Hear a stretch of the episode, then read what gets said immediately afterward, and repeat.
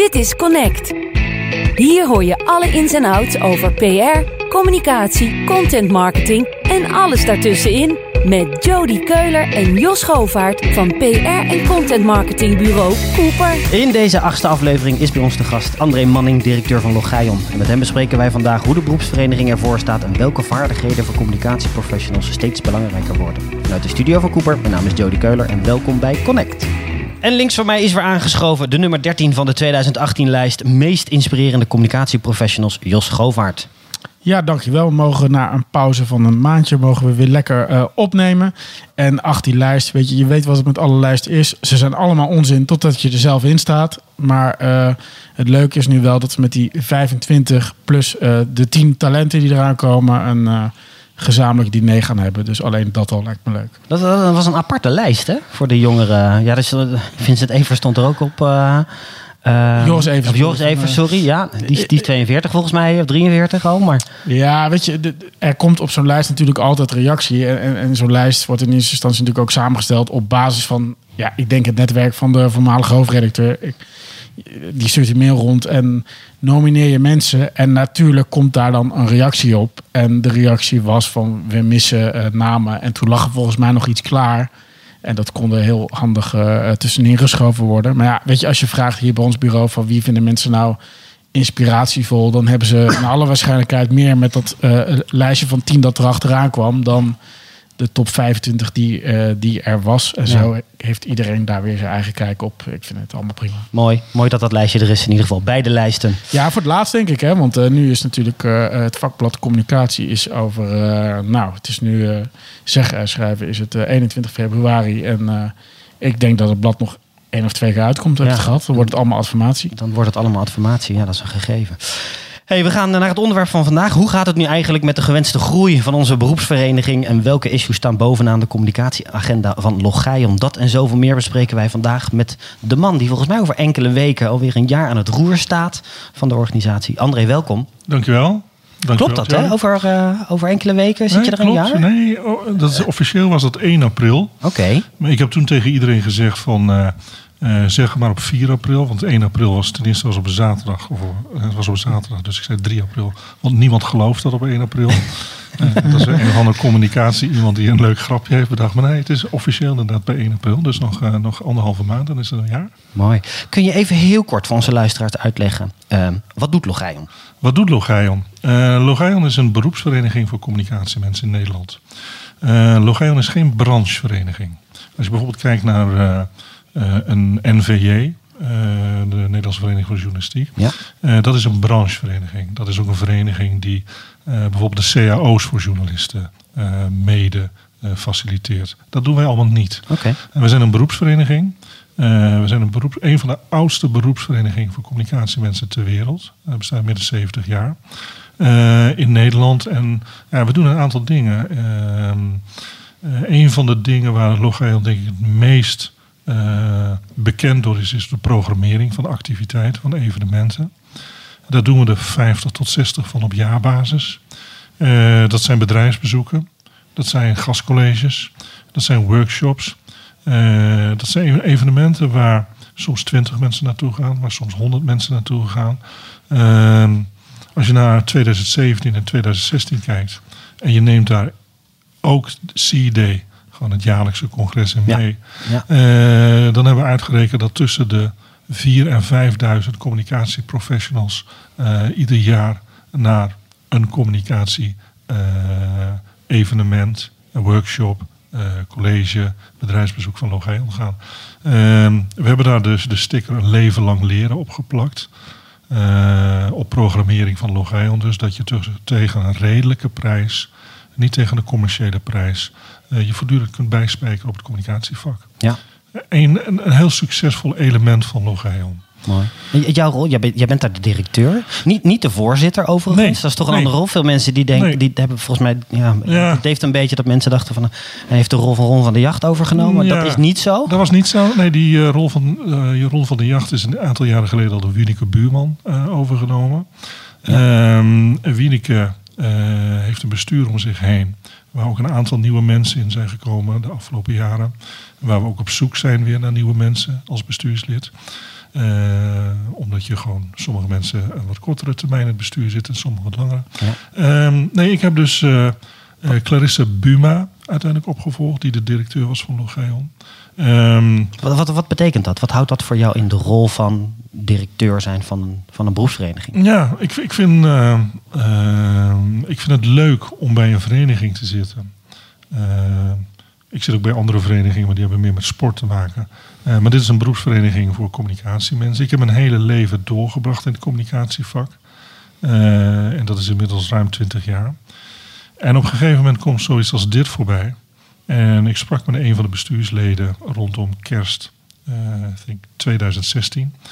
Eh, waarbij ze zei van we zoeken eh, nog een directeur. En een directeur die ook Logeion meeneemt in de vader volkeren. En die ook eigenlijk even op het gaspedaal wil staan eh, rondom een aantal dingen. Digitalisering, eh, het beter positioneren van Logeion.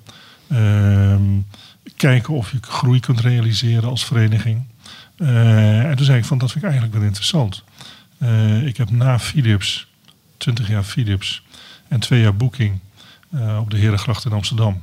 eh, heb ik gezegd van goh, ik ga even wat anders doen. Eh, dat, dat had te maken met het feit dat eh, ik vond eh, dat de rol bij Booking eh, zodanig aan het veranderen was dat ik eigenlijk gewoon de hele dag bezig was met communicatie rondom eh, conversie van hotelkamers. En dat is leuk om te doen. Eh, maar dat was iets anders dan mijn oorspronkelijke opdracht. En toen heb ik gezegd van, dan kun je beter aan iemand geven die in de, voor wie het de eerste of de tweede functie is in zijn loopbaan. In plaats van iemand die 46 is. En die andere dingen heeft gezien. En die niet alle energie haalt uit eh, eh, de conversie van hotelkamers. Ja, begrijp En consumentencampagnes daaromheen. Op hetzelfde moment had ik een, een dochter die wat ziek was. En toen hebben we gezegd van, goh, daar gaan we wat aandacht aan besteden. En ik zie wel wat er voorbij komt.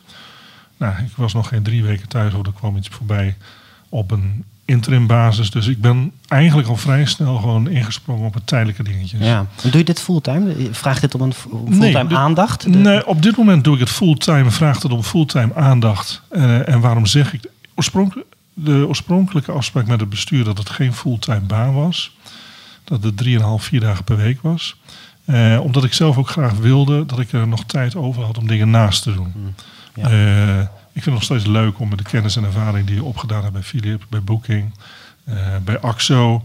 Ik heb een tijdje in Zwitserland gewerkt voor Amcor, een verpakkingsmiddelenbedrijf. Ehm, om die kennis toch te delen in het vak. Ik denk dat ik gewoon bepaalde dingen gezien heb die interessant zijn voor andere mensen. Nou, die ruimte wilde ik houden. Eh, die ruimte heb ik nog steeds. Met één uitzondering dat ik op dit moment gezegd heb van er is één pijler van Logeion die heeft extra aandacht nodig. Dat is de pijler professionalisering. Eh, dat is de pijler die gericht is op eh, een, een, een, een brug te slaan tussen ehm, wetenschap, onderwijs en praktijk. Eh, rondom de Logeion leerstoel en rondom het Centrum voor Strategische Communicatie binnen Logeion. Dat heeft extra aandacht nodig. Eh, die wereld beweegt wat langzamer. De universitaire wereld beweegt wat langzamer. Een HBO-wereld beweegt wat langzamer.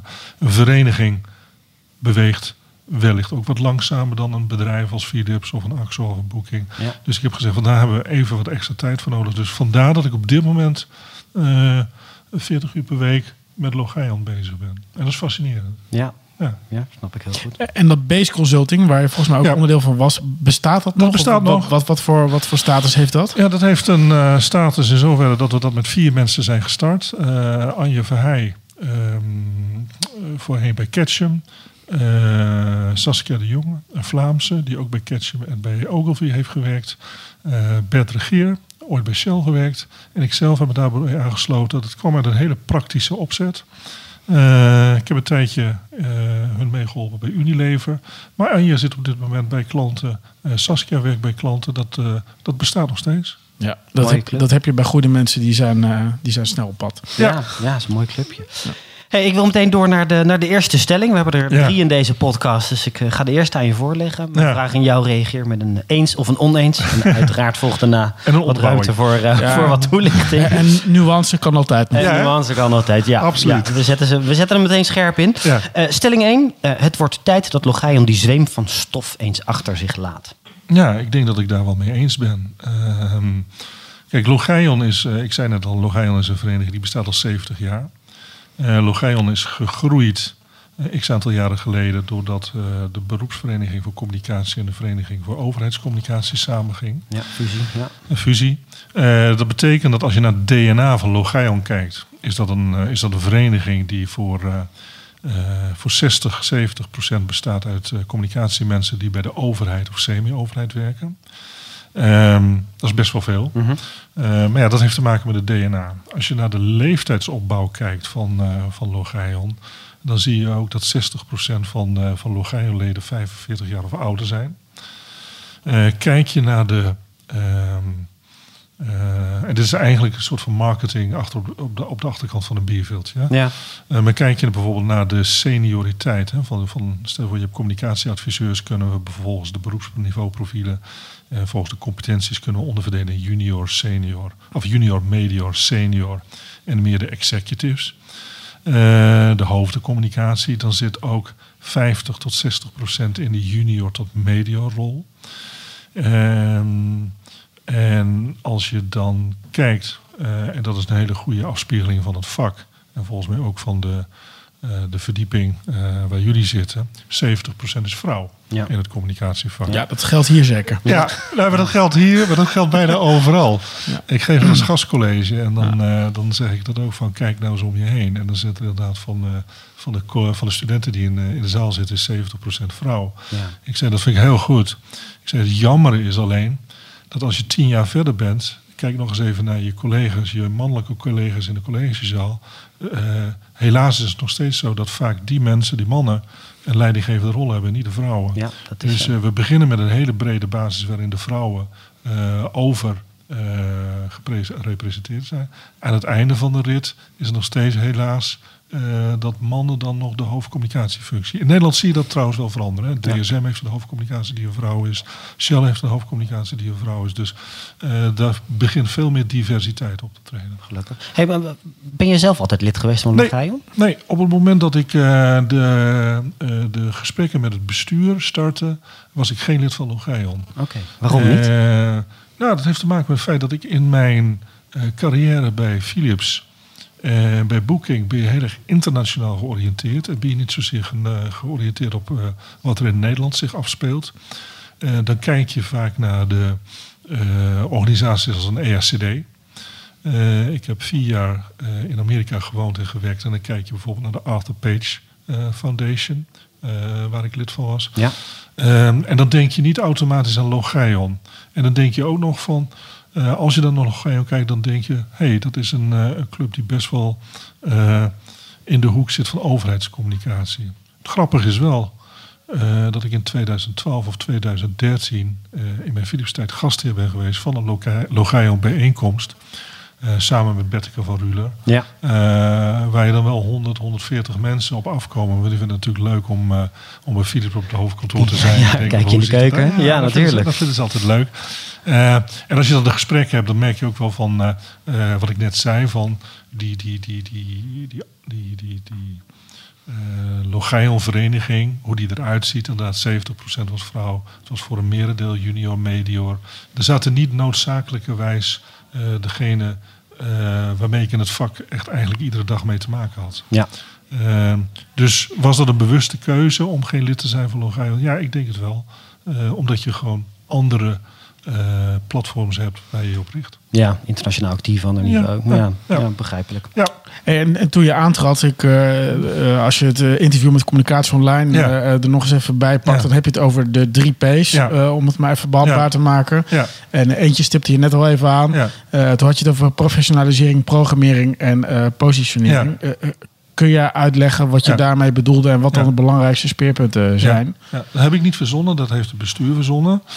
Eh, dus ik had gewoon de taak om die, eh, die drie dingen, die drie P's, eh, ehm, verder, eh, eh, verder uit te werken. Je Dat kon je daar wel in vinden, toch? Nee. Jawel, jawel, jawel. Ja, Nee, pro- kijk, als, het, als ik me niet in had kunnen vinden, dan had ik gezegd moeten zeggen van nee, ik, Ja, ik doe- dit, anders ik doe dit niet. Ja. Ik ga wat anders doen. Ja, maar van buiten lijkt programmering natuurlijk relatief eh, makkelijk, los Ja. van de kwaliteit daarvan. Ja. dat is natuurlijk een ander verhaal. Maar, maar hoe zorg je met name voor die, voor voor, die andere twee. Dus die Ja. professionalisering eh, en- die positionering. Waar zit dat in? Nee, ik, vind, ik denk dat professionalisering hebben we ook gewoon een, eh, al een behoorlijke stap gezet met het Centrum voor Strategische Communicatie. Ik denk dat een beroepsvereniging als Logeion, eh, met zijn 3500 leden in Nederland, waarvan heel veel mensen een communicatieopleiding hebben gedaan, maar ook heel veel mensen geen communicatieopleiding hebben gedaan, waar voortdurend leren. Eh, kijk, communicatiemensen, maar niet alleen communicatiemensen, iedereen leert eigenlijk voornamelijk on the job. Hè? Ja. Kijk, we doen allemaal een opleiding. Ik heb ooit geschiedenis gestudeerd. Doe ik iets met geschiedenis? Nee.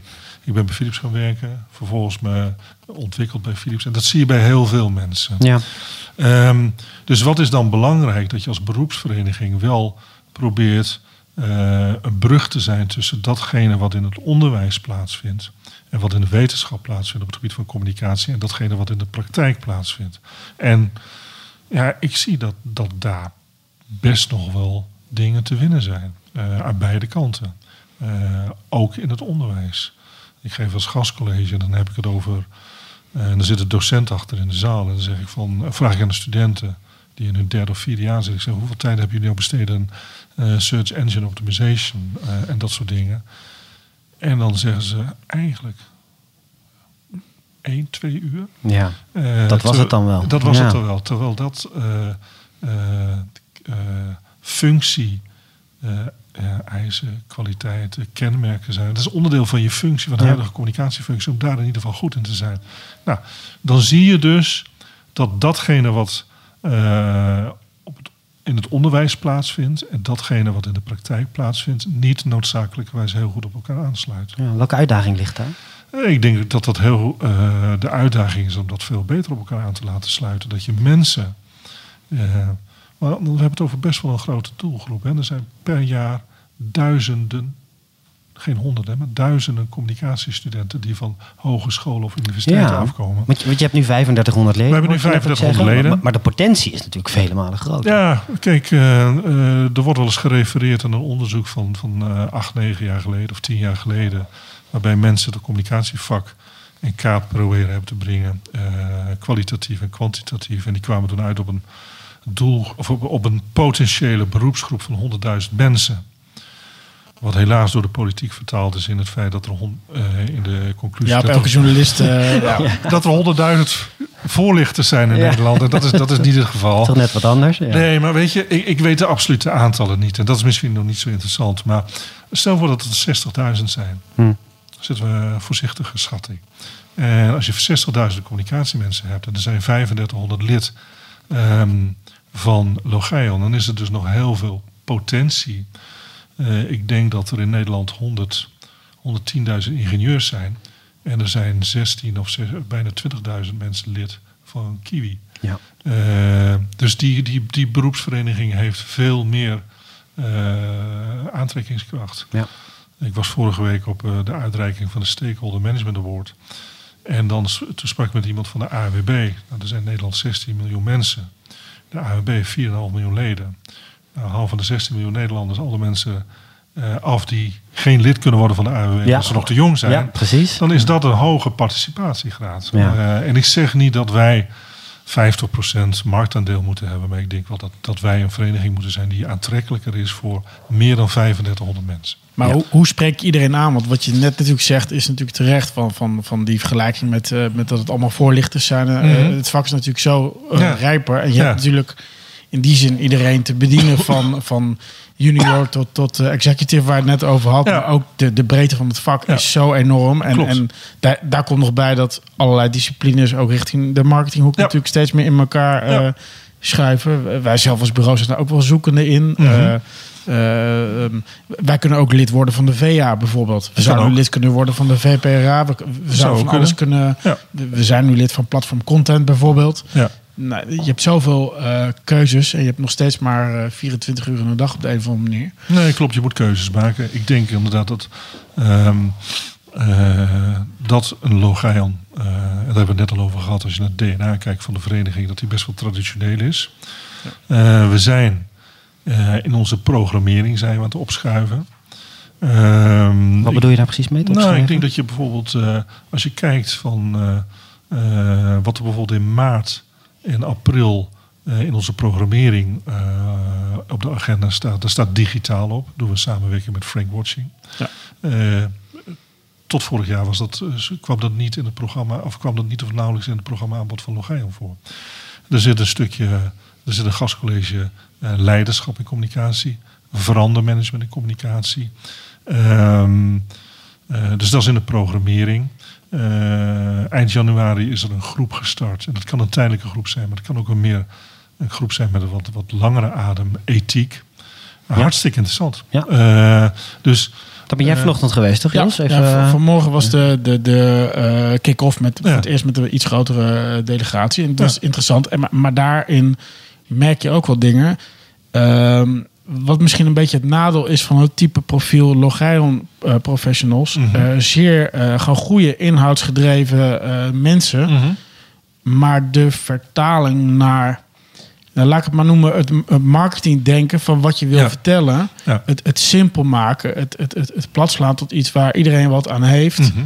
Ehm, dat, dat lijkt best een uitdaging. Terwijl dat dat voor ons een soort van common practice is om, Ja. om, om, om, om dingen plat te slaan en te Ja. zeggen van oké, wat is de essentie? En kunnen we daar een productje van maken? Kunnen we daar content van maken? Mhm. Kunnen we daar een tool van maken eh, waar een grotere groep iets aan heeft? En ik merk dat ik merkte ergens dat zonder uit de school te willen klappen of zo, maar dat, dat de behoefte om lekker over het vak te kletsen. Dat is, de, dat is toch degene, eh, de behoefte die het, het, het eh, liefst bevredigd wordt. Of zo. Ja. Terwijl ik soms, terwijl, terwijl er allemaal wel iets onder ligt dat we wat van elkaar willen krijgen. Alleen Mhm. dan het eerste simpele idee, want het, het gaat mij vooral om simpel en uitvoerbaar. Volgens mij is dat voor heel veel communicatiemensen, dat zie je natuurlijk ook wel bij, bij klanten en andere partners, Ja. eh, is dat nog wel ingewikkeld, omdat we altijd die inhoudsgedreven mensen zijn die overal maar vragen over stellen. Terwijl Ja. je soms ook gewoon even iets moet doen. Gewoon actie in de tent en gaan. Nee. En, en Ik- dat ik- is mijn gevoel hoor. Dit is ook mijn eerste stap eh, eh, eh, binnen Logijn, dat ik ook echt, echt wat ga doen. Ja. Ehm, maar dat is een eerste afdronk. Ja. ja, herken? Ik herken dat, eh, ik herken dat Jos. Ehm, even, even twee praktische voorbeelden van, en die zijn dan weer gerelateerd aan programmering, omdat dat zo herkenbaar is. Vorig jaar heb je eh, een tijdje een discussie gehad over eh, online reputatiemanagement. Eh, naar aanleiding van de hele affaire gerelateerd aan, aan Patricia Pai. Zag ik een artikel in de NRC over een bedrijf wat, echt gespecialiseerd was in online reputatiemanagement. En niet alleen op dit soort excessen, maar ook over kinderen die gepest worden op school. Ja. Waar die echt, wat echt viral gaat, wat sociaal gaat. En dat is een, een, een bedrijf wat dat soort kinderen helpt. En de ouders van dat soort kinderen helpt. Dus ik heb gezegd, van, kunnen wij niet gewoon binnen twee weken eh, een activiteit organiseren met deze partij. Waarbij wij onze doelgroep ook bedienen. En dat kunnen leden zijn, niet leden. Van Ja. wat zich nou afspeelt en wat nodig is in online reputatiemanagement. Nou, dan kom je in de dynamiek van een vereniging terecht. En misschien ook in de dynamiek van de leden die het moeten doen. Dan duurt dat een tijdje voordat dat gerealiseerd is. Ja, oké. Ik kom ook uit een omgeving eh, waarbij dingen echt vrij snel eh, gerealiseerd moesten worden. Ja. Als je bij Booking werkt, als je bij Philips werkt, als je bij AXO werkt of Amcor waar ik gewerkt heb, alles moest toch redelijk snel eh, gerealiseerd worden. Bij een vereniging gaat het inderdaad wat vaker. Bij Logijn gaat het over de inhoud, die absoluut belangrijk is. Mhm. Maar, ook over het moment. maar het moment is ook belangrijk. Kijk, eh, ik ben blij dat bijvoorbeeld 3 april hebben we een, eh, een debat in, eh, in Den Haag over, eh, het, samen met Tom Jan Meus van, eh, van de NSC, over woordvoering versus journalistiek en de invloed van sociale media. En dat had eigenlijk plaats moeten vinden op de dint of de beroemde donderdag. Dat Oh, die Nederland, verplaatst, Nederland geteisterd ja. werd door storm. Dus ik Ja. zag al, eh, tweets van het stormachtige debat eh, is echt afgelast. Maar, maar ik vind dat we daar als vereniging sneller op moeten kunnen inhaken. Ja. Om het ook praktisch en pragmatisch voor de leden te laten zijn. En heb jij daar invloed op? Of Ja, zeg daar je... heb, je, nee, daar heb je invloed op. Daar kun je samen met het programmateam naar werken. Maar je kunt ook kijken naar middelen om dat te doen. Kijk, ik zit met jullie in een podcast. Ehm Logeon heeft een heel eh, belangrijk eh, middel. Dat is het vakblad C. En eh, helaas eh, bestaat er nu eh, binnenkort nog maar één vakblad voor communicatiemensen in Nederland. Omdat eh, communicatie opgaat in informatie. En daar wel de ruimte krijgt. Maar oké, wij hebben dat vakblad. Alleen een vakblad is een blad. We weten allemaal hoe iedereen naar print kijkt. Ehm, dus moet je ook kijken van hoe kun je nou andere middelen aanbieden voor leden die veel aantrekkelijker zijn om ook te consumeren, die ook veel sneller gerealiseerd kunnen worden. Want een podcast kun je bij wijze van spreken, als ik op maandag een interessant thema zie, kan ik op woensdag kan ik een podcast en, en donderdagochtend is hij klaar. Ja. En dan is het relevant. Ja. Ja. Uh, zelfde voor, we zijn aan het nadenken van hoe kunnen we Logai op tv. Uh, er zijn aanbieders, uh, bijvoorbeeld van is Olaf uh, Laverman van Company Webcast. Ja. Daarmee kun je ook gewoon bijvoorbeeld gaan denken van, kun je één keer in de week dat faciliteren, waarbij een centraal thema niet noodzakelijkerwijs in een evenement wordt besproken, maar heel erg on the spot via de middelen die gewoon met name ook voor de jongere communicatiemensen veel uh, interessanter zijn. En die ook beantwoorden aan, aan, jouw behoeften, Jos, om dingen inderdaad vrij snel te realiseren in plaats van het voortdurend, of in ieder geval lange over na te denken voordat iets uh, tot stand komt. Ja, het is natuurlijk goed om ergens over na te denken voordat natuurlijk. je begint uh, te kletsen. Dat is allemaal prima. Alleen soms helpt het. Je kan dingen pas beter maken als je ze gaat doen. Want dan dat Eens. merken wij ook. We zijn met die podcast begonnen. Eens. En dan krijg je feedback. En, en met sommige dingen doe je iets. En andere Ja. dingen denk je van, nou, weet je, dat, dat is jouw mening. eh, prima, laten we lekker liggen. Ja. Alleen, ja, dat hadden we niet kunnen, eh, kunnen bereiken door eh, te blijven kletsen. Wat we die eh, zes jaar daarvoor hebben zitten doen. Nee. En, en dan is het toch van, eh, ja, ga maar maken. Ja. Nee, maar een heel, heel eh, tastbaar voorbeeld van, eh, van bijvoorbeeld hoe Logion daarmee omgegaan is. Eh, als je naar de mensen kijkt bij ons op het bureau. eh, tot twee jaar geleden hadden we iemand die werkte heel erg. Die was heel gefocust op eh, eh, beroepsniveau profielen, certificering en dat soort dingen. Nou, wat zie je in, eh, in ons vak, in de markt, dat er veel minder behoefte is aan dingen als certificering. Eh, beroepsniveau profiel is denk ik nog steeds belangrijk, maar is, is niet iets cruciaals. Ja. Ehm, toen heeft het bestuur heeft gewoon het, besluit genomen van eh, ehm, de, de, de, de andere, de derde P, waar we nog niet zoveel over hadden. Positionering is veel belangrijker. Positionering van Logion Ja. en positionering van het vak. En alles wat zich daar afspeelt. En heeft het bestuur ook echt een besluit genomen van we gaan een, eh, iemand aannemen op het bureau die verantwoordelijk is voor de marketing en communicatie in eerste instantie van Logion en daarna ook van het vak. Nou, dat werpt zijn vruchten af. Eh, maar daarmee heb je dus een duidelijke keuze gemaakt, ook als Logion. Laat Ja. je ook zien dat je in beweging bent. Dat je ook ziet van, hé, hey, er is iets wat voorheen heel eh, belangrijk was voor die leden. Maar er is ook iets wat misschien nog wel veel belangrijker is. En dat is die positionering. En daar investeer je dan in. Ja. Daar Dat, ben je- dat vind ik goede signaal. Ja, ben jij daar zelf ook heel bewust mee bezig? Ja. Vanuit je rol? Ja. Je hebt een voorzitter, je ook Ja. een directeur de, Ja. directeur-voorzitter. Beide meer naar buiten, meer acteren meer op het naar podium. buiten, op het podium staan, verhalen, of gewoon het verhaal vertellen. Eh, ook op, eh, opschuiven naar die vakgebieden die tegen ons aanschurken. Marketing. Ja. Eh, ik heb ook de eerste gesprekken gehad met Nima. Waarom zouden we niet samen met Nima iets doen? Dat, dat hangt volgens mij ook al heel lang in de lucht. Ja, toch? maar dat- weet je, dat- en dan heb je zo'n gesprek en dan kom je tot de conclusie dat wij C-Day hebben op 21 juni in, eh in Nieuwegein. En dat Nima zijn marketingdag heeft op 21 juni in Utrecht. Nou, Ja. ben je Ja. Eigenlijk te gek voor woorden. Absurd. Ja. Dus ze hebben gezegd van oké, 2018 kunnen we niet meer veranderen. Want wij hadden onze datum al een keer Ja, zo. Maar staat dan 2000, al. nee, 2019 moet dat er gewoon dus niet eh, het geval zijn. Nou, ik heb met Luc Ros eh, van de NIMA over gehad. Van hoe kunnen bijvoorbeeld thema's die voor jouw mensen van belang zijn en mijn mensen van belang zijn. eh NIMA doet veel meer in de regio nog dan wij doen. Ja. Ja. Hoe kunnen we dat opzoeken en hoe kunnen we elkaar daar versterken? Ehm, maar ik kan me ook voorstellen dat we, dat we eh, de samenwerking opzoeken, bijvoorbeeld met, eh, met een beroepsgroep eh, Human Resources. Heel veel communicatie speelt zich af eh, samen met eh, mensen wat vroeger personeelszaken heette, nu Ja. Human Resources. Ja, het hele verandermanagement, employee engagement, waar iedereen mee betrokken is, dat kan niet een, een, een, een verantwoordelijkheid van alleen de communicatiefunctie zijn. Dus moet je dat opzoeken. Eh, en volgens mij zijn we daar hartstikke open in als uh, Logion om dat te doen. Mooi. Mis- misschien opener dan voorheen. Vind je dat ook een van de belangrijkste zaken die een communicatieprofessional zou moeten hebben? Ja. Over, je, over de grenzen van, van Ja. je eigen taakjes heen, eh, heen Ja. kijken? Ik denk dat dat eh, ook te maken heeft met mijn verleden, van waar ik gewerkt heb.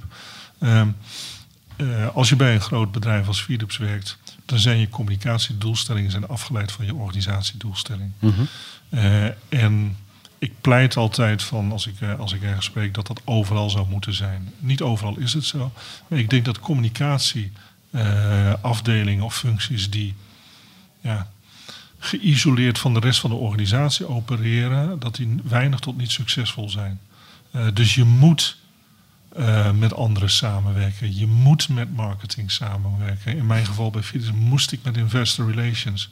Niet omdat het moest van mijn baas, maar omdat je dan pas succesvol kunt zijn Ja. in je communicatie. Je moet met HR, als je een nieuw eh, employee engagement, en ik hoop niet dat Japke de Bouma meeluistert, want dan scoren we redelijk hoog. Maar dat soort dingen moet je doen. Ja, ja. Ja, mooi moment ook om, om even de tweede stelling eh, voor te leggen. Ja. Het was ook een bruggetje. Ja, ik Ja. snap hem. Ik, van, mijlenver voelde ik hem aankomen. Heel goed. Komt-ie. Te veel communicatieprofessionals zijn nu niet toekomstbestendig. Eens of oneens? Ja, ik weet niet of, of, of ze niet toekomstbestendig eh, zijn. Ik vind wel, eh, dat is mijn persoonlijke overtuiging, dat is ook een overtuiging die ik wel meebreng met, eh, bij Logion, eh, dat communicatie niet in een isolement kan opereren. En als je dat wel doet, dan ben je straks niet toekomstbestendig. Ehm, Maak jij je daar zorgen om? ja, daar maak ik best wel zorgen om. Ik heb dat zelf ook gezien eh, in de tijd dat ik bij Philips zat. We hadden een groot employee engagement programma om de cultuur van Philips te veranderen. En toen zag ik dat eh, McKinsey ons daarbij hielp. Mhm. McKinsey komt ons dan helpen eh, op het gebied van bedrijfs, om je bedrijfsstrategie aan te passen. Maar ineens zag je ook dat McKinsey een tak heeft die communicatie heeft. Ja. Ja. En voor mij was dat gewoon een soort van. Toen gingen mijn ogen open. Toen zei ik van hé. Hey, en zij hebben ook nog kennis en specialisme die ik niet heb. En die mijn communicatieteam niet heeft. Mhm. Dus ik moet eh, heel goed kijken naar dat soort partijen die in de markt zijn. eh, die wellicht concurrenten zijn. En dat klinkt negatief en zo bedoel ik het niet. Maar die wel aanduiden van hoe, je als, hoe je als communicatievak moet gaan eh, veranderen. Of dat soort trends op moet pakken. Hun manier van werken oppakken.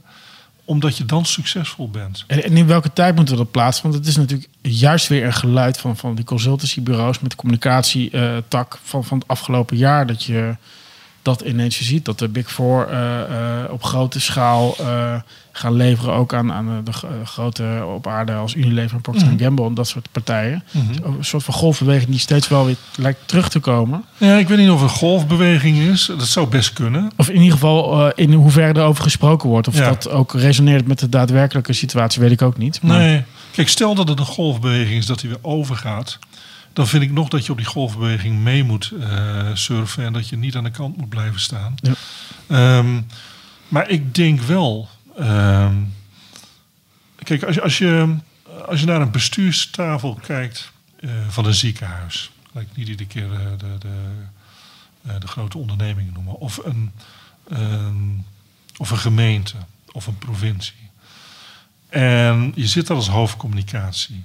Dan heb je vaak je hoofd HR. Je hebt je voorzitter, de raad van bestuur. Je hebt iemand die verantwoordelijk is voor HR. Je hebt iemand die verantwoordelijk- is voor marketing. Je hebt iemand die een hoofd juridische zaken. Al die mensen, die hebben wel enigszins verstand van communicatie. Ja. Ehm, of omdat ze het zelf wel eens gedaan hebben. Of omdat ons vak eigenlijk niet beschermd is dat iedereen er een mening over heeft. Maar iedereen heeft wel een gevoel bij communicatie. Als wij, en ik denk dat daar de kracht van die McKinsey zit, van de Big Four zit. Wij moeten dus ons stinkende best doen om de taal van zo'n voorzitter te spreken. Om zo'n taal van zo'n hoofdmarketing te spreken. En niet 100% hè, maar in elk geval wel de basis. Om de taal van het hoofd HR te spreken of juridische zaak. Om gesprekspartner te zijn. Ja. Als je die gesprekspartner niet bent, dan zeggen die mensen aan de tafel, die zeggen wel van, ik heb McKinsey of iemand anders, die kan die rol net zo goed vervullen. En die zijn ook nog veel beter in projectmanagement, want daar zijn we ook niet zo goed in als communicatiemensen. We zijn heel creatief, maar met name die Big Four, die zijn heel goed in projectmanagement. Dan huur ik dat wel in. Ja. en daar maak ik me zorgen om, Jos. Van dat, dat zie ik eigenlijk wel een beetje gebeuren. Of dat een golfbeweging is, weet ik niet. Maar we moeten wel heel hard ons best doen om eh, gewoon met die mensen mee te gaan. Je had het ook in eh, een paar blogs die je geschreven had, ook over de communicatieadviseur eh 3.0. Ja. Eh, nou, dat- ehm, en, en je hebt het daar over vijf dingen waarvan Ja. deze er volgens mij ook in zit. Ja. nou, ik zal ze eventjes noemen, hoeft niet, zo, niet allemaal langs te lopen. Nee. Maar je hebt het over ge- geïntegreerd denken en doener. Ja. Daar zit het wat in. Ja. Je hebt het over netwerker puur eh, slash PR zang. Eh, betrouwbare adviseur voor de organisatie. Daar zit hij volgens mij ook heel erg in. Ja. Ehm, bewaken van de reputatie. En uiteindelijk eh, Master of Metrics, waar we het straks nog wel even over hebben. Ja. Eh, als jij moet kiezen, is er dan één eh, het allerbelangrijkst? Nee, ik denk dat ze, in alle, dat ze allemaal in verschillende gedaantes eh, naar voren komen. Kijk, een trusted advisor, daar wordt altijd heel gewichtig over gedaan. Mhm. Eh, Het hoogst haalbare. Het hoogst maar ja. haalbare. Daar hangt er een goed uurtarief aan, denk ik. En daar hangt een goed uurtarief aan. Eh, dus in dat opzicht is het ook het hoogst haalbaar, financieel gezien. Ja, weet je, dat zijn, ook, dat zijn ook natuurlijk wel hele spannende dingen om te doen. Eh, maar ik zeg ook wel eens van eh, in mijn tijden bij de grote ondernemingen. eh, weet je, de hoeveelheid tijd die je in de bestuurskamer zit is maar beperkt. En soms is het ook helemaal niet zo leuk in die bestuurskamer. Het is veel leuker om in de rest van de organisatie te zitten dan in de bestuurskamer. Ehm, ik denk eh, dat je als communicatie. eh, ja, als, ik er, als, ik, als ik dat toch in, in lijstje-achtig iets een, een, een, een cijfer aan moet geven. Ik denk dat je vooral. ehm, je moet heel goed in je eigen organisatie eh, je netwerk opbouwen en daarbuiten natuurlijk. Je moet geïntegreerd kunnen denken en, en doen. Eh, ja, en je moet heel goed weten eh, hoe je je eh, communicatie-inspanningen, je activiteiten meet en de, de, de toegevoegde waarde ervan zichtbaar maakt voor je organisatie. Ehm, ik, ik, ik, ik zie nog te vaak dat mensen alleen over de activiteit praten in plaats van wat heeft de activiteit nou uiteindelijk teweeggebracht. Ben je daar zelf wel heel bewust in jouw Philips-tijd, boekingtijd mee omgegaan? Om ook gewoon op het juiste niveau met de mensen Ja, ik denk, ik denk, dat wij, ja, ik denk dat wij op het juiste moment, op het juiste niveau met die mensen eh, hebben gepraat. Ik heb natuurlijk. ehm, kijk, bij, bij Philips hebben, we- hebben we het heel goed gedaan door de juiste metrics te gebruiken die ook de marketingfunctie gebruikt. Nou, we hadden een omslag dat marketing steeds belangrijker werd. En op het moment dat je dat als communicatie laat zien, dat je Ja. in ons geval NPS als de juiste metric eh, ook voor ook, communicatie toepast. Dan kon je Dan het meeliften, heel mooi. Dan wordt het, ja. wordt het ook omarmd door je raad van bestuur en door Ja. je business leaders. Want die gaan dan zien van, hé, hey, hij heeft het begrepen, of de functie heeft het begrepen waar we naartoe willen. En ze laten op een hele tastbare manier zien wat de toegevoegde waarde van de functie is. Hartstikke goed. Bij Booking was dat best wel lastig. Dat is natuurlijk gewoon een bedrijf wat, wat eh, data eh, ademt. Ja. eh, 24 uur per dag. Niks gebeurt daar zonder dat er ook maar data geraadpleegd worden. En dan moet je, dan kom je vanuit een wat traditionelere omgeving en moet je een model vinden wat eh, eigenlijk gewoon in de boekingfilosofie past, 24 uur per dag. Eh, ook nog eh, op data gebaseerde adviezen kan geven. Nou, dat is best wel lastig. Ja. Ik heb het altijd wel geprobeerd. En, en waar kwam je dan op uit? Want dat is natuurlijk bij, bij- ja, bij uitstek een conversietent Ja. uiteindelijk. Ehm, maar er is vast ook nog wel wat anders belangrijk, zou ik dan denken. Ja, er is ook wat anders belangrijk. Eh, maar ik zie, eh, zonder het alleen over boekings te hebben, van... eh, kijk, Uber is ook een conversietent. Booking is een conversietent. Tesla is misschien ook wel een conversietent. Je ziet daar toch dat conversie daar heel belangrijk is... voor de marketingfunctie en voor de communicatiefunctie. En dat een misschien wat moeilijker te vangen begrip als reputatie eh, minder, eh, minder omarmd wordt eh, dan in de wat traditionele bedrijven. Ja, ja maar de criticasters zouden zeggen... Volkswagen heeft geen auto minder verkocht sinds dat Dieselgate. nee, En, en waar ligt dan waar ligt welk gewicht? Ja, ik, ik, ik heb daar ook niet het pasklare antwoord op. Toen, ik in de, toen ik in Amerika werkte, eh, toen had een van de grote concurrenten van, eh, van Philips, Siemens, had een enormzelfde corruptieschandaal. En eh, ik met mijn, eh, met mijn reputatieachtergrond en mijn focus op reputatie heb toen heel goed gekeken. Wat betekent dit nou voor Siemens? Zijn hun bedrijfsresultaten nou minder geworden in de VS? Die waren niet minder. Is, hun, is de prijs van het aandeel uiteindelijk na een jaar gezakt? Die is niet gezakt. Ook niet. Ja. Eh, dus ik, ik, ik vind het heel boeiend wat je zegt van. En ik zeg het ook wel eens tegen Kees, of Kees van Riel op. eh, eh, die in Nederland gewoon goed, goed, heel goed werk heeft gericht op reputatiemanagement. Ik vind het allemaal heel belangrijk. Maar als je nou onder de streep kijkt. Wat doet nou een slechte reputatie? Er zijn maar weinig bedrijven die zo'n korte hiccup uiteindelijk niet doorstaan. Heel veel gaan gewoon uiteindelijk toch wel verder. Ehm, we hebben het net even over Oxfam gehad ja. misschien dat Oxfam over een jaar wel meer leden heeft. eh, dan dat ze nu hebben, of donateurs hebben, omdat ze er toch goed mee omgaan. Heb je echt Ja, dat is een hele onvoorspelbaar. kort- dat Ja. is eigenlijk best nog wel onvoorspelbaar. Ja, ja. Hey, even, terug naar, naar, naar de vaardigheden. Ja. Eh, Jos, ik ben ook wel benieuwd, want je noemde ze net allemaal op. Is er eentje waarvan jij zegt, die, die springt er voor mij wel uit? Die vind ik een hele belangrijke.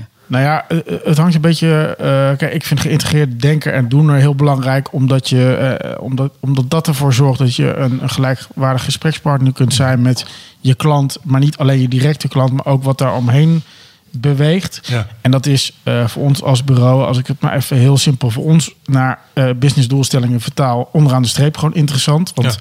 wat wij doen, kijk, wij heten een PR-bureau, maar als je echt gaat inzoomen op de activiteiten die diverse adviseurs allemaal doen, ja, dan kan je er ook nog wel een, eh, zes andere etiketjes opplakken, denk ik. Ja. Eh, eh, een hele specifieke die lastig blijft, is die eh, Master of Metrics. En dat komt denk ik met name omdat communicatieklanten, laat ik ze zo maar noemen, vragen in die hoek veel te weinig stellen. Ja. En dus ligt er geen urgentie, zou je, zou je denken, Ja. eh, aan de oppervlakte. Eh, maar dat wil niet zeggen dat die er niet is. Nee. En, ehm, dat, maar, maar dat vergt natuurlijk iets. En dat is net wat André ze- zei over die eh twee uur SEO die dan even aangetikt wordt. We worden niet zo opgeleid om zo te denken. Eh, de analyse slash wiskundige of knopjes eh, kant van het vak is lastig. Ik denk dat de helft van de communicatiemensen het gewoon eng vindt om met, een, om met een muis op een knopje in een portal van wat dan ook te duwen. Ik denk Ja. puur dat zit er al een, een mentaal probleem. En ehm, ja, weet je, uiteindelijk eh, mo- moet je ook wel eh, snappen hoe een tent zijn geld verdient. En je Ja. moet, ik vind dat iedereen die in de PR werkt, of de communicatie en, en verder wil komen op een bepaald niveau, moet in staat zijn om alleen al een, een balans en een resultatenrekening op hoofdlijnen te kunnen lezen. Om daar vragen eh, bij te stellen. Want ehm, weet je als, je, als je dat soort dingen kan, dan vallen je veel dingen eerder op. En dan weet je de, de juiste vragen te stellen. En eh, het gaat me niet zozeer om dat je heel erg van die marketingdiscipline snapt. Maar als je wel snapt van hoe wordt er geld verdiend, hoe Ja. kan ik waarde toevoegen, dan weet je ook volgens mij je, de rol die je hebt. Want wij zijn geen marketeers en dat, dat worden we ook niet. Alleen Nee. je weet wel dan de rol veel beter te spelen, omdat je weet. Eh, als dit gebeurt, dan heeft dit invloed. Ik bedoel, we hebben het ook natuurlijk eh, lang voor Coolblue gewerkt. En daar zagen we gewoon, nog steeds wel, eh daar zagen we in de kerstperiode altijd. nu geef ik misschien Gein van de Smit weg. Maar weet je, een traditionele PR-vraag zou zijn: laten we heel veel clipping scoren. Ja. En wij wisten dat Coolblue met het merk op een bepaald niveau gekomen was. Dat het helemaal niet belangrijk meer was. En dat het erom ging dat er uiteindelijk conversie gedraaid werd. En, en er waren maar twee kanalen, soorten kanalen waar langs dat werkte. Dat was televisie en social. Ja. En, eh, en, en er stond er een hele mooie spread in de krant van een concurrent. Ja, lagen we echt niet wakker van dat zij daar nou wel in stonden en wij niet. Want overal de conclusie, we hadden dat jaar een hele rare klap op social. Twee items op tv. En dat was het dus drie keer heel kwalitatief. Ja. Eh, als je dat zou vertalen naar ouderwetse advertentiewaarde en PR-waarde... hadden de concurrenten beter gescoord. Ja. Maar als je het hebt over eh, wat had zin... eh, dan was dit het. Maar hoe, hoe kwam dat? Dat heeft alles te maken met dat er geen middelmanager tussen zat... die, die van zijn baas op een bepaalde manier moest rapporteren. Maar die, die snapte dit. Ja. Ja. Sterker nog, was zelf een, een, een groot voorvechter hiervan. En voelde zelf haarveen aan wat, er wat er nodig was. En eh, veel ideeën kwamen ook gewoon van hemzelf af. Ja. Ja. Vinden jullie dan ook dat, dat of, een beetje de, de, de jongere generatie communicatieprofessionals daar nu al heel stevig in moeten, in moeten investeren om die andere vaardigheden, het lezen van de organisatie, eh, het mee kunnen praten met HR, je kunnen verdiepen, en dat ze daar veel meer Ja. tijd en aandacht nu al moeten besteden? Ja, zo zouden ze heel veel aandacht aan moeten besteden. Op het moment dat je begint te werken, maar ook tijdens de opleiding. Eh, ik heb ook ooit het voorbeeld gehoord, of, een, eh, en ik vond dat eigenlijk een triest voorbeeld. Eh, ik gaf ergens een keer gastcollege op een hogeschool en toen zeiden ze van, eh, ja, wij krijgen les eh, interne communicatie van iemand eh, die heeft zelf nog nooit interne communicatie in een bedrijf gedaan Ja. of een organisatie gedaan. Dan zeg ik van ja, Dat is ook gewoon een probleem. Dat, dat doet mij denken aan een, een les van op mijn HBO-opleiding communicatie. Van eh, moest een ondernemingsplan schrijven. En eh, ik, de- ik ben laat afgestudeerd, we waren al met Cooper bezig. ja, En eh, eh, dus ik wa- was met mijn opdracht bezig en hij keurde een paar dingen af. En, en toen vroeg ik gewoon van ja, heb je zelf wel eens een onderneming gestart? Of Ja. hoe, hoe zit het? Want ik vind het echt, echt dikke bullshit wat jullie Ja. aan het vertellen bent. Dat was niet het geval. Nee, niet. En toen- maar toen werd hij natuurlijk helemaal niet meer serieus genomen door de rest van die, van die klas. Ik bedoel, studenten zijn ook niet gek. Hè? Nee. Ik bedoel, Ja. die, die, die weten ook heus wel eh, wat voor iemand ze eh, voor hun neus hebben staan. En dan doet, eh, weet je wel, leeftijd is niet belangrijk. Als jij gewoon relevante dingen brengt op een Ja. leuke manier, dat telt veel meer. Dat, die, die anciëniteit, zeker voor studenten, het is, is gedaan. Ja. is echt, echt weg. En naast, naast de vaardigheden, waar ook Logijn dus zwaar op, op in gaat zetten, zijn er momenteel ook ontwikkelingen, bepaalde trends waar, waar, waarvan jij persoonlijk zegt, van, nou, die, zijn, die zijn belangrijk. Ik hoorde je net zeggen, digitalisering. Ben je vanuit Logijn dan ook bezig om te investeren bijvoorbeeld op het gebied van, van eh, eh, artificial intelligence bijvoorbeeld, of dat als onderwerp beter pakken? Nou, als onderwerp wel. Eh, als Logijn zelf nog niet. Maar we zijn wel bezig. als je naar onze 2018-begroting kijkt, investeren we zelf dus wel in onze digitale omgeving. Ja, als je naar onze 2018-begroting kijkt, zitten we ook te kijken van hoe kunnen wij onze leden en nou op een veel betere manier aan ons binden via een digitaal platform eh, dan de, de huidige platforms. Kijk, ehm, binnen verenigingen zijn natuurlijk de, de, de geldstromen veel anders en veel beperkter in ons geval eh, dan in de grote bedrijven. Ehm, maar als ik bij een groot bedrijf een jaarlijks congres organiseer, eh, dan vraag ik iemand om een app te ontwikkelen. Mhm. eh, zodat mensen alle, vaak gaat het om 150 bezoekers, dat wanneer mensen naar zo'n evenement, het kan een leadership conferentie zijn, eh, de hele agenda staat erop. Eh, de manier waarop je met elkaar contact kunt zoeken staat erop. Eh, de bio's van de sprekers staan op zo'n op zo'n app. Ja, ik vind dat we ook als Logion moeten investeren in dat soort technologie. Dat als je dus naar C-Day gaat, dat je niet een, eh, een programmaboekje. een nee, ja. een programmaboekje of een programma op de site ziet. Maar dat jij een app hebt die je kunt downloaden op je mobiele telefoon. Waarin je alle 600 bezoekers ziet. En waarbij je zelf zegt van in die zes uur dat ik, die ik er ben, wil ik een afspraak met die en die en die persoon. En we kunnen dat gewoon eh, via die app gewoon matchen. En daar hoef je verder niemand voor te bellen en dergelijke. En dan heb je het gewoon georganiseerd. Ja. Dat deden ze op eh, Content Marketing World wel goed. Heel goed, hè? Ja, dat is Ja. een schaal, weet je wel. Daar liepen 4000 mensen rond Ja. of zo. Maar Ja. Even dat- voor de luisteraars in Cleveland, eh, Ja. Amerika. Ja, Ja. jaarlijks grote content marketing congres. eh, Ja, wat, wat me daar wel weer verbaast is dan dat je dan toch weer zo'n arena met, met een soort van klassieke beurstands hebt. Alles Ja. is gemoderniseerd behalve dat. Ja, Echt heel gek is dat. ja. dat werkt daar nog goed volgens mij, de beurs. eh, Ja, maar Ja, ja. ja, niks valt op. beurs, Eh, en het is nodig, want die- ze sponsoren al die tracks. En Ja. eh, anders is het niet te schrijven voor, Nee. voor de bezoekers. Maar, Mooi. Maar dat is dus wel een stukje investeren in digitale eh, ontwikkelingen. Ja, en ook voor de jongere generatie heel belangrijk om dat goed te doen. natuurlijk. Ja, Ja. wil je die aan je binden. Ja. Hey, de, de derde stelling, eh, we hebben net al even het onderwerp aangeraakt. Meetbaarheid is het ondergeschoven kindje van ons vak. Eens of oneens? Ja, daar ben ik mee eens. Maar dat heb ik ook. eh, ik denk dat als je mij eh, eh, aan de afgelopen jaren hebt gevolgd, dat roep ik steeds. Ehm, kijk, heel veel. ehm, Dit is wel jouw onderwerp, hè? André? Ja, weet Ja. je, weet je ehm, dat is een beetje mijn passie voor het vak. En waarom is dat gekomen? Omdat ik er zelf heel veel baat bij heb gehad eh, bij de organisaties waar ik gewerkt heb, om te laten zien dat je meetbaar kunt zijn. Ehm, ik zie ook dat elke andere functie meetbaar moet zijn. Ehm, eh, ik was drie jaar geleden een keer in Londen voor eh, Engelse communicatieprofessionals. En dan vraag je aan de honderd mensen die er zitten: wie allokeert nou 5% van zijn communicatiebudget aan het meten van vooraf wat je gaat doen en het achteraf eh, wat je hebt gedaan. En Ja. Of, je, of je dus succesvol bent geweest. Nou, ik denk dat er één of twee mensen hun vinger op staken.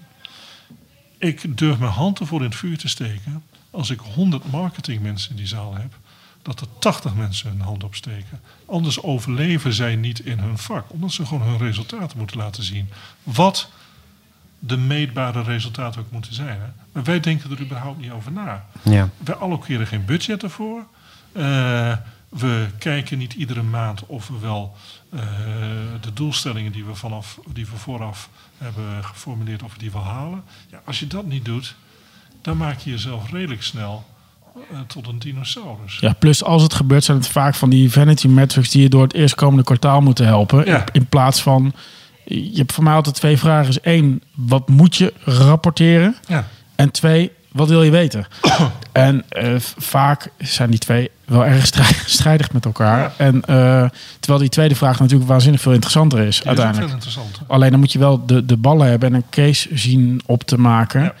Ehm, ja, om dat voor elkaar te krijgen. En ja, wat mij opvalt is dat mensen dat een beetje willen. Dus iets meer positief dan negatief erin staan. Maar ook gewoon niet zo goed weten hoe ze dat moeten doen. Nee. Eh, het alternatief wat er was, daarvan zijn ze echt wel van overtuigd. Noem het de advertentiewaarde of wat er ook is. Iedereen vindt het onzin. Ja. Ik, ik ken echt niemand die dat eh, Nee. oprecht iets waard vindt. Alleen het is, eh, ja, het is wel een soort van, eh, van, van benchmark of zo. eh, die, die, die, die nergens op slaat. Ik bedoel, eh, Het bestaat bij gebrek aan beter. en deze week ook, maar de digitale publishers doen er natuurlijk ook aan mee. Eh, eh, eh, neem, neem Facebook, dat was deze week ook weer het nieuws rondom de video views. Hoe, het verschil tussen de werkelijke en de actuele views. Dus een heel mooi blog, zullen we in de show notes opnemen, van, van Scott Stratton. Die het heeft over een, een, een video view. En het eerste getal wat Facebook eh, laat zien is dan 32 miljoen views. Daarvan denk je, wauw, indrukwekkend. Maar hij maakt een hele breakdown naar wat hij uiteindelijk eraan overhoudt. En er waren het geloof ik zeven e-mails met informatieaanvraag. Dat was onderaan de streep. Maar Ja. ook uiteindelijk 1870 mensen die de video daadwerkelijk met geluid aan en alles erop en eraan ook echt helemaal doorgekeken hadden en een actie hadden gedaan. Dus dan, dan weet je, dan word je ook niet geholpen door de, door de publishers. En eh, eh, ja, wat natuurlijk collectief zou moeten gebeuren, is dat eh, weet je, de gemiddelde prestaties die gerapporteerd worden, die zijn veel te optimistisch. Want zo, zo snel gaat het helemaal niet. Alleen dan moet je een soort van collectief afstand doen van, van, van die waarheid waarvan je dacht dat het de waarheid was, Ja. die het helemaal niet is. Nee. We zijn elkaar echt collectief voor de gek aan het houden. Ja. De reclamebranche heeft het natuurlijk ook met die GRP's. Dat is ook een, Klopt. een, een model van Nederland 1, 2 en 3. Natuurlijk wel een beetje bijgeschaafd, maar ja, neem daar maar eens afstand van. Dan, dan weet je zeker dat je winnaars en verliezers krijgt. En het is natuurlijk veel comfortabeler om maar te behouden wat je hebt. Want dan eh, gaat in ieder geval je eigen baan er niet aan. Nou ja, Eh, dat, dat is de defensieve benadering. En, en de progressieve benadering is natuurlijk veel meer van wij zitten hier voor een bepaald doel. En als we doelgericht bezig willen zijn, dan moeten we natuurlijk keuzes maken in wat we doen. En met z'n allen eh, daar gewoon glashelder over zijn. En elkaar geen zoete broodjes verkopen. Maar gewoon echt eh, duidelijk maken van wat we voorheen deden. Is gewoon dikke vette bullshit die ook nog veel tijd kosten. Want eh, weet je, als wij nog voor een klant zo'n ouderwets coverage document moeten maken. Dan zitten we elkaar aan te kijken van wat is dit voor onzin? Het kost veel tijd. Niemand Ja. vindt het leuk. Het draagt nergens toe bij. Het is een, eh, we maken weer een presentatie van 100 slides. Eh, niemand bekijkt dat. Eh, alleen als de baas erom vraagt, dan hebben we het. Ja, la- laatst werd mij gevraagd. We hebben eh, eh, in januari enorme PR-waarde gescoord. Eh, eh, gok jij eens hoeveel dat was? Ja. Ik zei, nou, een beetje gokken. Er- ergens tussen de 3 en 4 miljoen. Ja, nee, 11 miljoen. Ik denk, jeetje, zak er toch een paar miljoen naast, zeg. Wat, een- wat een ellende. Ja. Ja. dat zegt natuurlijk helemaal niets. Maar het is wel voor ons de, hè, de dagelijkse realiteit waar wij ook mee te maken hebben. Wat zie jij, André, als wat er moet veranderen om nu veel meer richting hè, hoe die marketeers afgerekend worden, hoe zij dat levendig maken, hoe we er budget voor vrijmaken. Zijn er enk- enkele aanwijsbare punten waarvan je zegt van ja, daar moeten we nu echt gaan beginnen?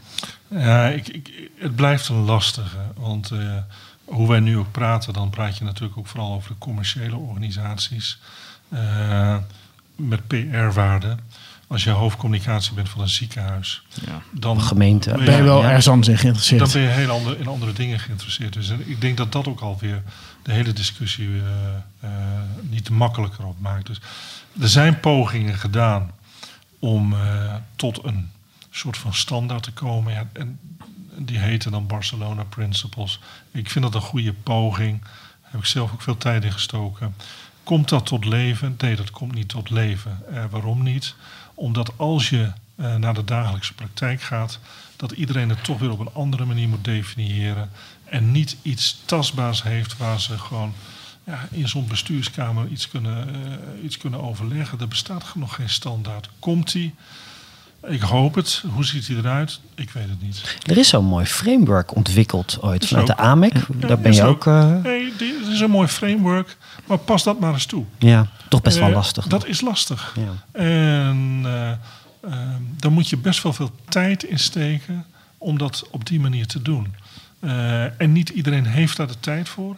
En je interne of externe opdrachtgever heeft daar al helemaal niet de tijd voor. Ja. Dus, eh, Nee, en ook de, de, we hebben wel eens een paar pogingen gewaagd. Hoor. Ja. We doen het nog steeds, en ik vind het nog steeds wel goed om de oefening te doen. Ja. Alleen ik accepteer ook, eh, als je dat framework met al die stappen bekijkt, dat ik ze niet allemaal compleet kan invullen. En dat vind ik niet zo erg. Alleen, erg. ehm, eh, maar je probeert wel van, stel ik had de toegang tot deze en deze gegevens ook nog gehad, dan was het weer een beetje beter geworden. En, maar ik denk uiteindelijk ook wel van, uit- zeker als je naar hoog niveau gaat, dan wil je volgens mij 1, 2, 3 cijfers presenteren. Ja.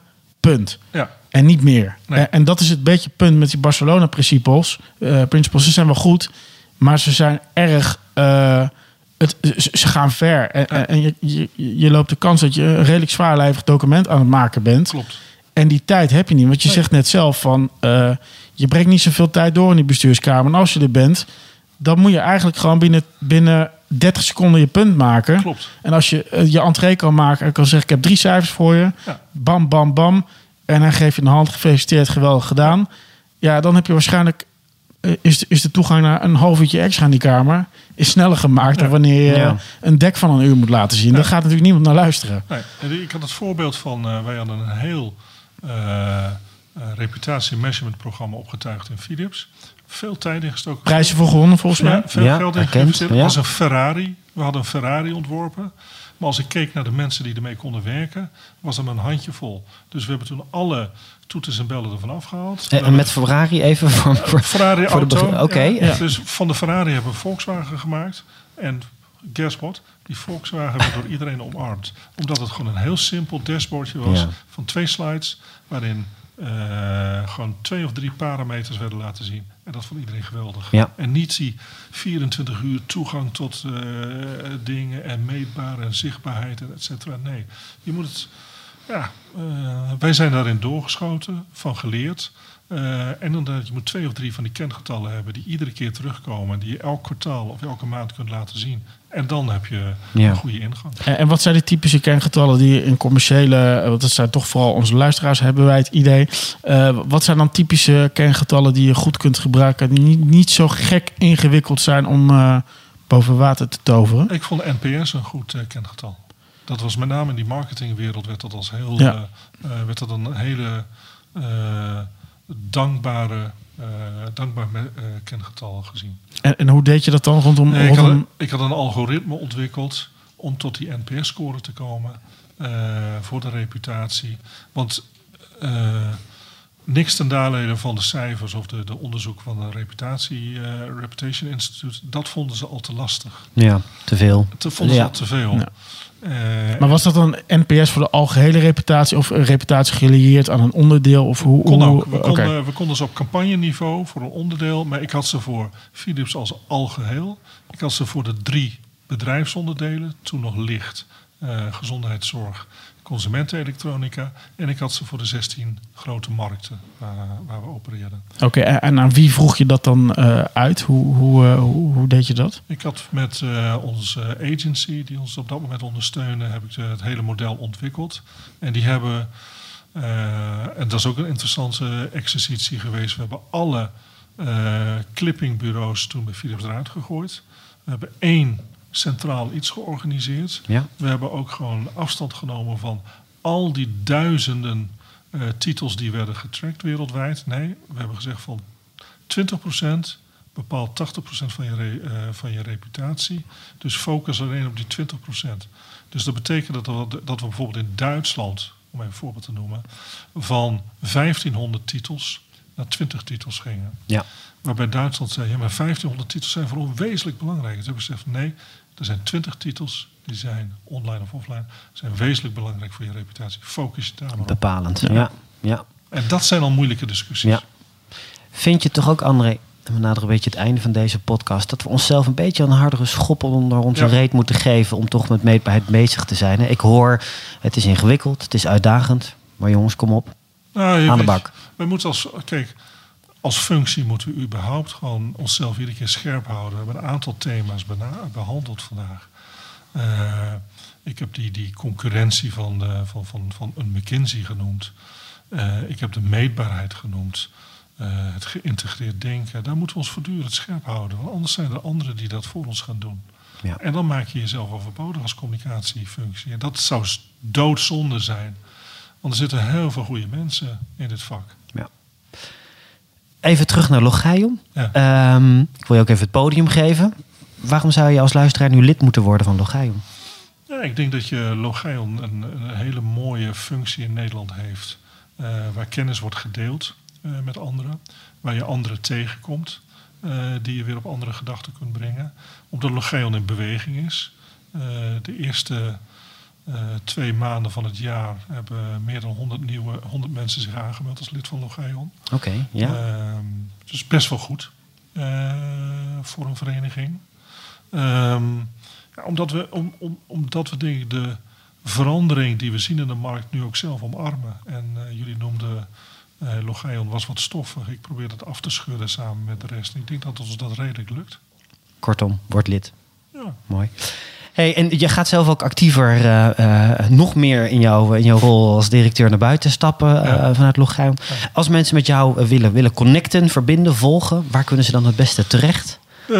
Mensen kunnen mij via LinkedIn bereiken. Mensen kunnen mij bellen. Die kunnen mij op Logeion bellen. De meeste mensen die zien op mijn LinkedIn profiel volgens mij mijn mobiele, telefoonnummer wel.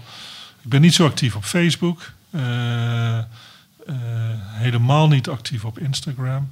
Eh, via Twitter eh, kunnen mensen mij volgen. Deel ik mijn mening Dat is een mooi plekje. over communicatiedingen, over Feyenoord.